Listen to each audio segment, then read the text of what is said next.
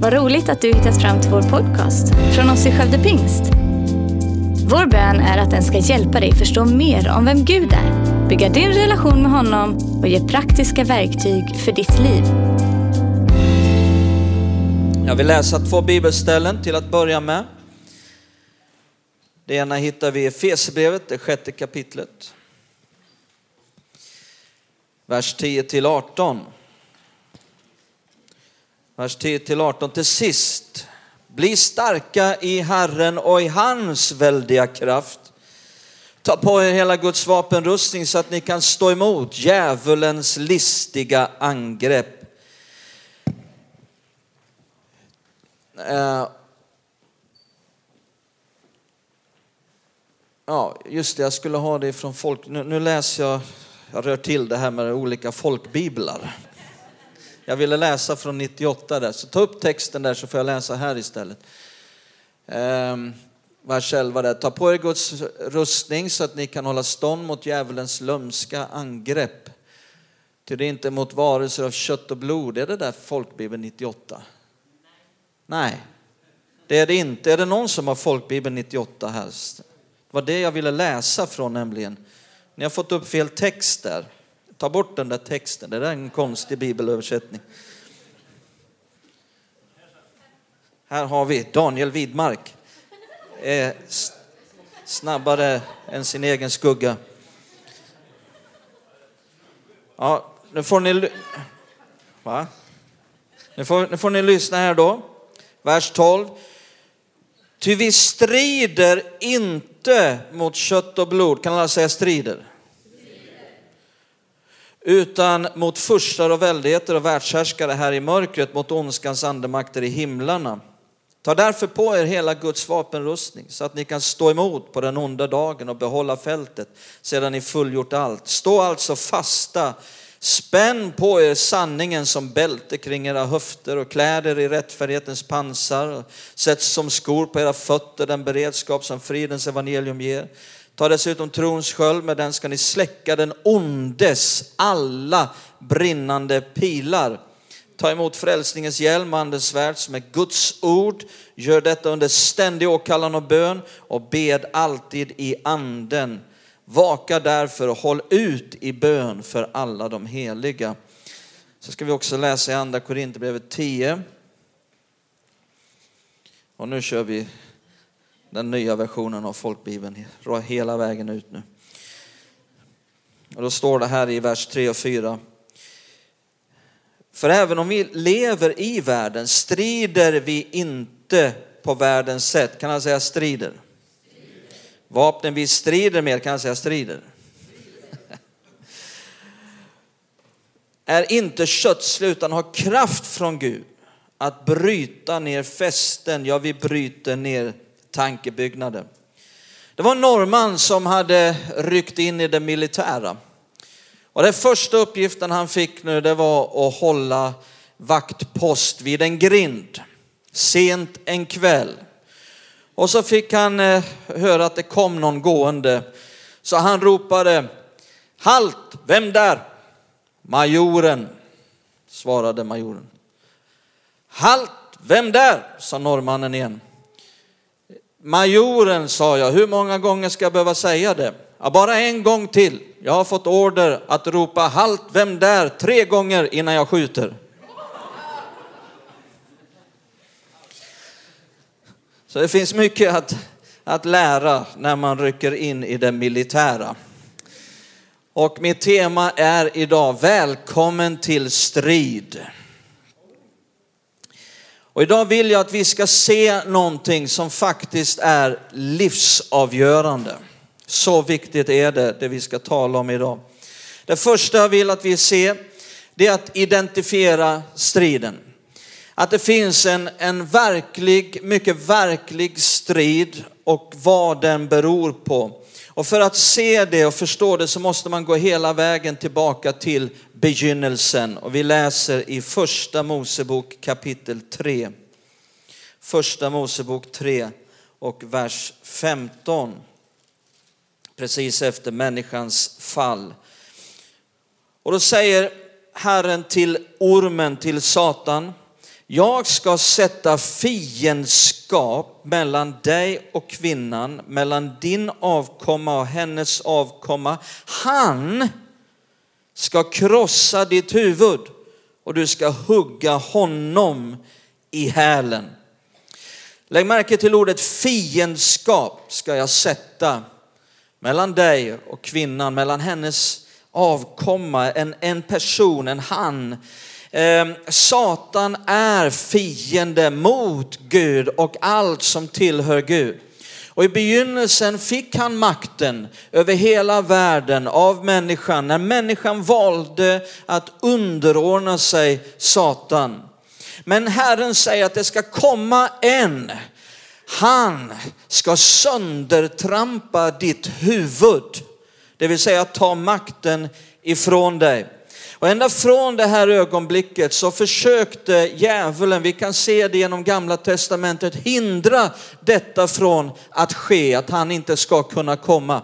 Men sen när han kom, Jesus Kristus, så ända fram till vår tid så försöker han nu hindra människor, eh, strider för det, att människor inte ska lämna den ondes våld och komma in under Jesu herravälde.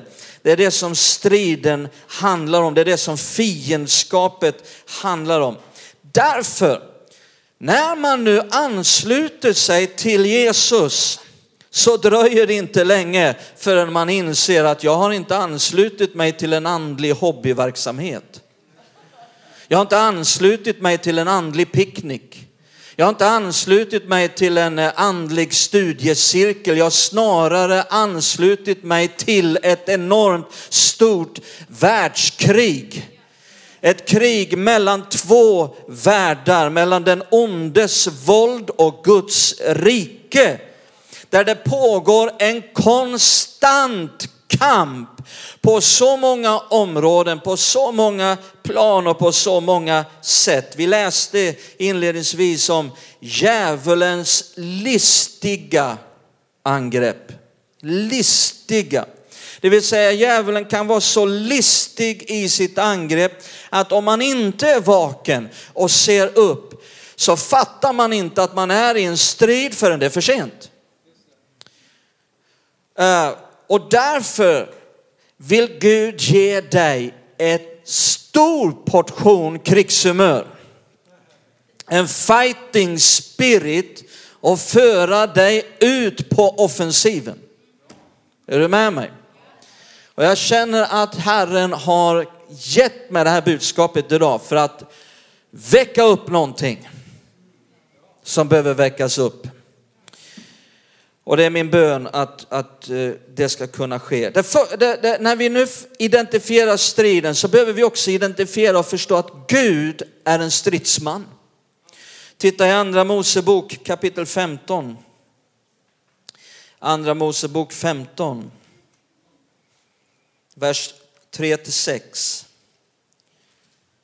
Herren är en stridsman Herren är hans namn. Faraos vagnar och här kastade han i havet. Hans utvalda krigsmän dränktes i Röda havet. Djupen täckte dem. De sjönk till botten som stenar. Mose och israeliterna var på flykt ut ur Egypten och eh, faraos arméer kom ångande efter dem. Men de fick uppleva hur Herren uppenbarade sig för dem som en stridsman. Och han vill också uppenbarar sig för dig som en stridsman. Han vill säga till dig, om du har fiender så har jag fiender. Om du har en strid har jag strid. Ehm, och i gamla testamentet så finns det väldigt många olika namn, hebreiska namn på Gud. Till exempel Jave Shalom som betyder Herren är frid. Jave Rohi som betyder Herren är en herde. Jave Rafa, Herren är en läkare. Jave Jire som betyder Herren är en försörjare. Eh, men det finns också detta Jehova is ehm, Milkama. Jave is Milkama. Som betyder Herren är en stridsman. Och det är kanske någonting som inte nämns lika ofta när man talar om de här namnen. Varför det? Därför att jag tror att det är lättare att tänka sig Jesus i banor av mildhet, av nåd, av kärlek. Ehm, men kanske lite svårt att tänka sig honom som en stridsman därför att krig är ju inget positivt. Vem vill ha krig? Ingen vill ha krig. Gud vill definitivt inte ha krig, men vi märker att krig är oundvikligt, ofrånkomligt på grund av det vi har sett. Så när Jesus kom och när han ställde sig upp i synagogan i Nasaret och sa Herrens ande är över mig. Han har sänt mig till att predika glädjens budskap för den fattige frihet för den betryckte, syn för de blinda, till att ge de fångna och bundna frihet och predika ett nådens år från Herren min vän. Det var en fullkomlig krigsförklaring mot den onde och hans välde. Och Jesus sa samtidigt att nu är tiden inne då den här världens furste ska kastas ut. Och han skickade ut sina 72 lärjungar och de återvände och de var glada. Vad var de glada över? Mest av allt var de glada över att de onda andarna lydde dem. Och Jesus sa den som tror på mig, han ska driva ut onda andar.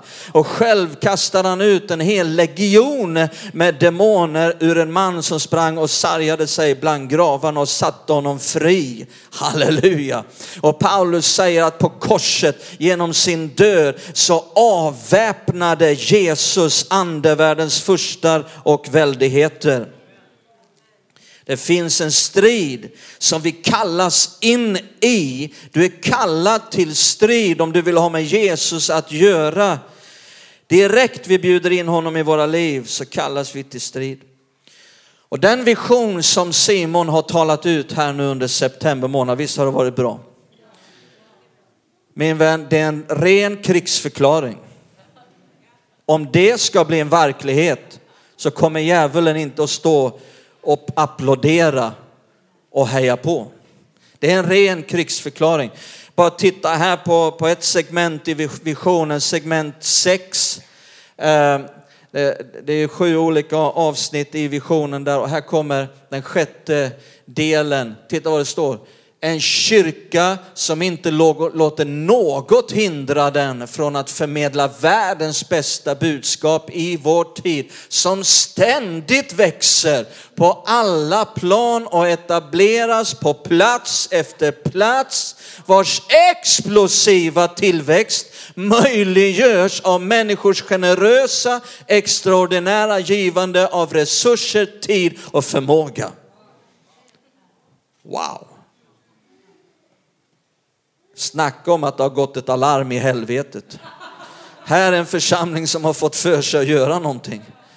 En församling som fylls av liberal teologi där man börjar förneka en rad sanningar i Bibeln och utgör ingen fara för den onde. Men en församling som vill predika ett helt evangelium, som har den heliga andes kraft över sig, som krigar i bön och är passionerade och brinner för att se människors liv bli förvandlade och vinnas för Jesus. En sån församling utgör ett direkt hot mot hela den onda andemakten. Välkommen till strid. Vi har proklamerat ut en vision nu. Nu är det allvar mina vänner. Det, det, tredje nu, när vi har identifierat en strid, vi har identifierat att Gud är en stridsman, så behöver vi identifiera fienden. Paulus gjorde detta mycket tydligt. Titta i första Thessalonikerbrevet kapitel 2. Första Thessalonikerbrevet 2. Vers 18. Kolla vad han säger. Vi har verkligen önskat få komma till er, jag, Paulus, både en och två gånger. Men det var inte Guds mening. Nej, det var inte det han sa. Vi hade sån otur. Nej, det var inte det han sa. Omständigheterna var svåra. Nej, han sa, men Satan har hindrat oss. Han var väldigt tydlig. Därför att det är viktigt att kunna se och urskilja fienden. Det är inte alltid det enklaste. Länder som Israel, som USA, vet hur svårt det är att kämpa mot en fiende, för en krig mot en fiende som du inte kan se och urskilja, terrorister. Terrorismen, terroristen kan vara mitt ibland oss, du ser inte och urskiljer att det är en fiende och då är det mycket svårare att föra en strid.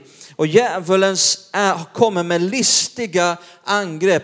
I, I Bibeln så fanns det en profet som, eh, eh, eller i gamla testamentet fanns en profet som hette Elisa.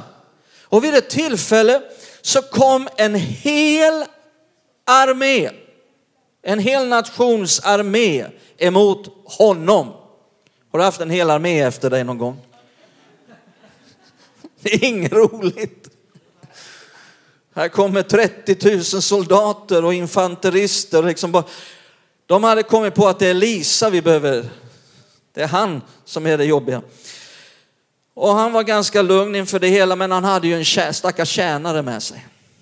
Han var desto nervösare. Det var inget roligt att vara Elisas tjänare. När du är med Elisa som har en hel armé efter sig. Men då bad Elisa.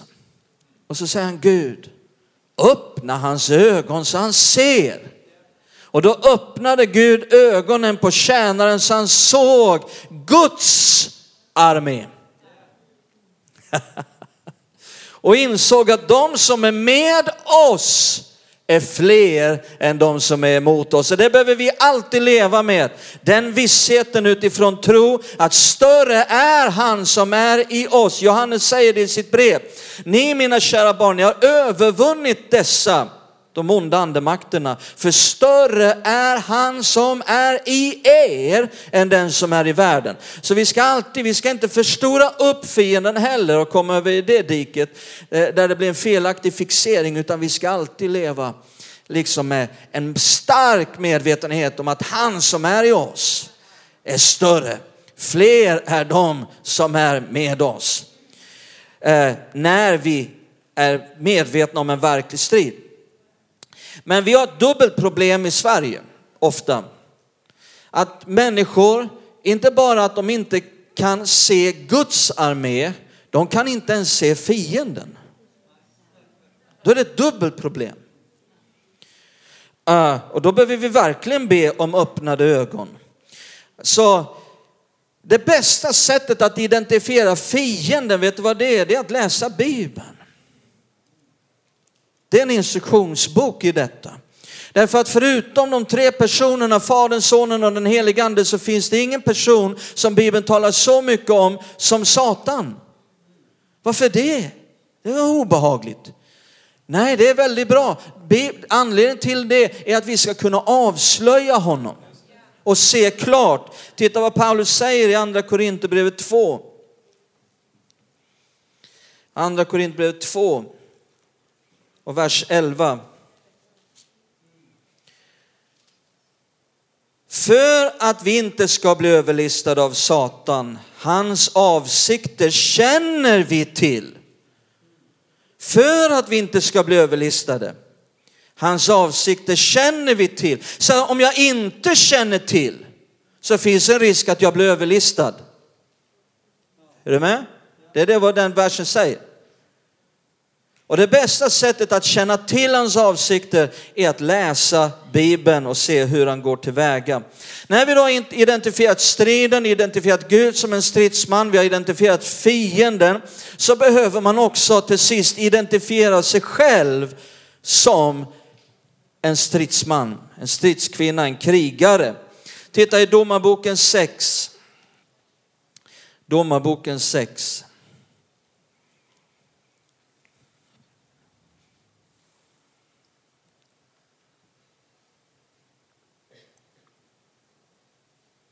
Det var svårt att bläddra med glas i handen. Jag har bett om att flytta bordet lite närmare så jag inte tappar smörjelsen på hela vägen tillbaka innan jag får hitta var glaset står. Titta nu, Domarboken 6. Här har vi en som Herren hjälpte att identifiera sig.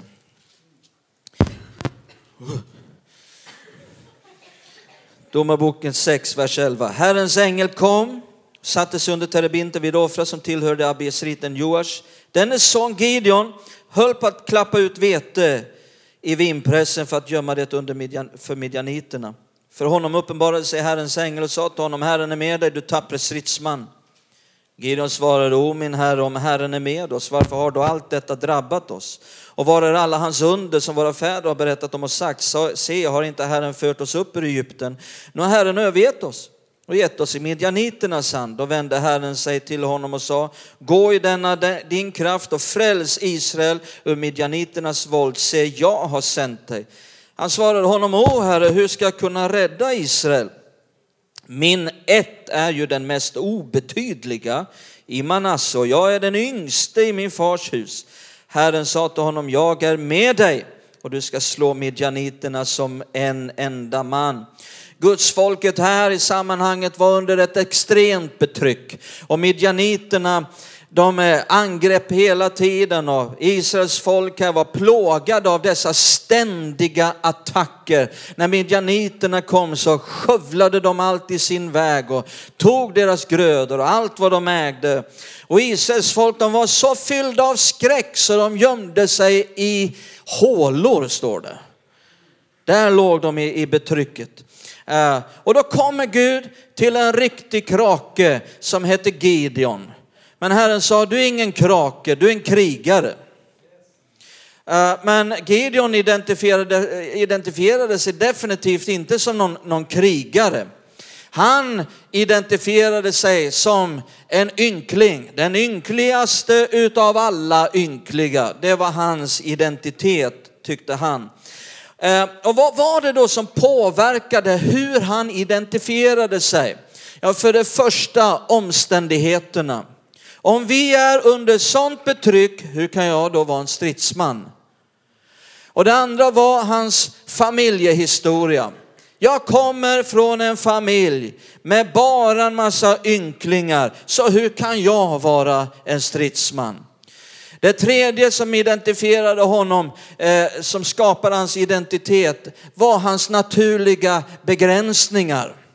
Jag har inga gåvor och talanger, så därför kan inte jag vara en stridsman. Det fjärde som gjorde, hur, avgjorde hur han identifierade sig var hans känslor omkring allt detta. Jag känner mig inte som en stridsman och därför är jag inte det. Men Herren sa lika fullt, du tappre stridsman. Och lyssnade inte på Gideons argumentation. Ehm, Gideon hade fram till den här tidpunkten bara levt i något slags överlevnadsläge. Har ni sett något sånt där program någon gång på Discovery Channel? När någon ska överleva. Jag såg något, de skickade ut en i öknen. De skickade ut någon stackars krake ut i öknen som skulle överleva i åtta dagar och skulle dricka destillerad urin och knyta någon påse kring några blad för att eventuellt få en matsked vätska. Och efter åtta dagar så var den här personen helt uttorkad och led av svår huvudvärk och yrsel. Det är överlevnadsläge. Gud vill föra dig ut ur allt överlevnadsläge. Där du inte håller på liksom och tänker, ja, bara jag håller näsan ovanför vattenytan, bara jag inte sjunker ner så långt så att jag tappar allt andligt liv. Gud vill föra dig ut ur allt överlevnadsläge till att istället ha ett övervinnarläge. Det vill Herren orsaka i ditt liv. Och när Gideon istället börjar identifiera sig utifrån vad Gud sa och börjar se på sig själv genom Guds ögon och 300 andra anslöt sig till Gideon och sa för Gideon och för Herren så kunde de driva midjaniterna på flykten och övervinna fienden. Är ni med? För Simon och för Herren har vi 300.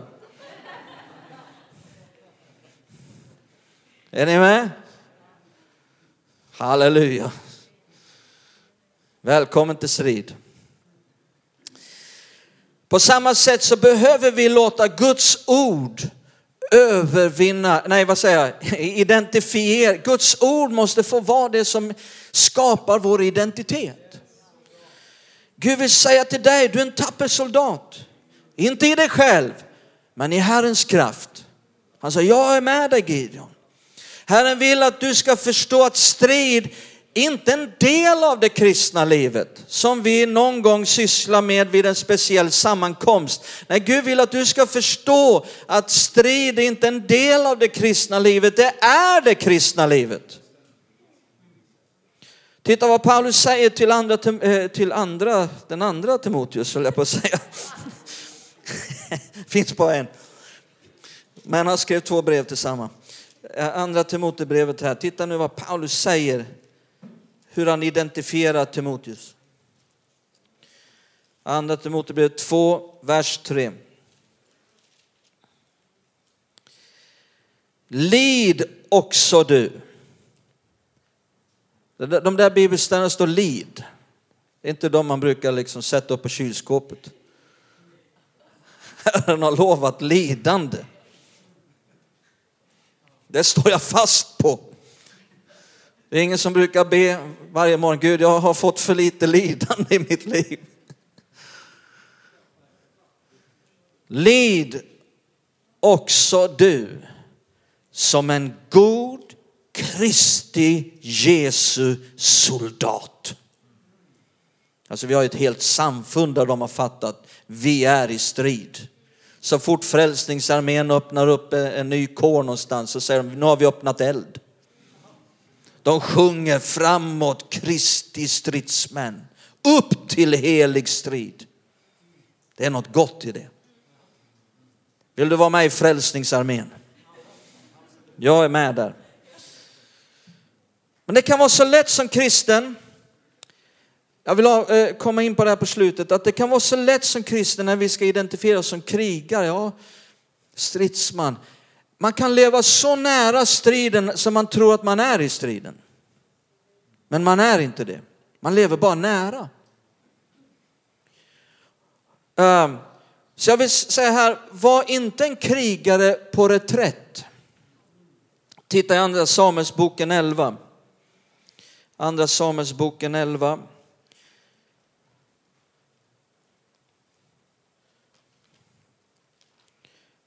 Och vers 1 och 2, det handlar om, om, om David. Nästa år vid tiden då kungar drar ut i fält sände David iväg Joab och med honom sina tjänare och hela Israel. De förgjorde ammoniten och belägrade Rabba, men David, titta nu, stannade kvar i Jerusalem. Då hände det en kväll när David hade stigit upp från sin bädd och gick omkring på taket till det kungliga palatset att han från taket fick se en kvinna som badade. Kvinnan var mycket vacker. Så kung David, efter alla dessa år av krig så kände han, nu kan jag stanna hemma. Jag tar det lugnt. Jag skickar ut de andra. Och det finns många kristna som känner så. För 20 år sedan så visste de allt, kunde allt. De var, de var med i striden i flera år. Men nu har man bytt ut krigsfältet mot soffan. Det är reträttkristna som lever reträttliv. Reträtt är en militär term som, som betyder återtåg. Och det är livsfarligt att leva ett reträttliv. Det är livsfarligt. Därför när vi studerar Guds vapenrustning så ser vi att det finns många vapendelar som är defensiva, men det finns ingen vapendel som täcker ryggen. Så om man ber sig ut på, på reträtt, på återtåg, gissa vad som öppnar sig för den ondes alla brinnande pilar som kommer borra sig djupt in i ryggen. Ordet retreat kommer också från reträtt och retreat kan vara bra ibland, men att leva ett fullständigt retreatliv är livsfarligt. Lyssna på mina ord. Det är inte bara att det är lite negativt, det är livsfarligt. För titta här på David. Kunde han, ut, kunde han undvika strid bara för att han inte var där ute? Nej, han fick en helt annan strid som gjorde att han led ett svidande nederlag i sitt liv. Han begick äktenskapsbrott med Batseba och mördade hennes man på grund av att han var i reträtt. Han hade dragit sig tillbaka. Så ett kristet liv i ljumflum eller myspys, det är livsfarligt. Det andra, titta här, man kan också vara en desertör. I Wikipedia står det, en desertör innebär att en person rymmer från krigstjänstgöring. En svensk desertör bestraffas enligt brottsbalken. Ett äldre ord är fanflykt. Nu ska inte jag leka med det ordet, men vi läser Uppenbarelseboken istället. Uppenbarelseboken 12. Jag har något på gång där som jag vet att Douglas skulle gilla. Vi får ta det för sidan. Titta nu, Uppenbarelseboken 12. Titta nu här. Här är några som inte var desertörer. Från vers 7. Och det blev strid, kan man säga strid?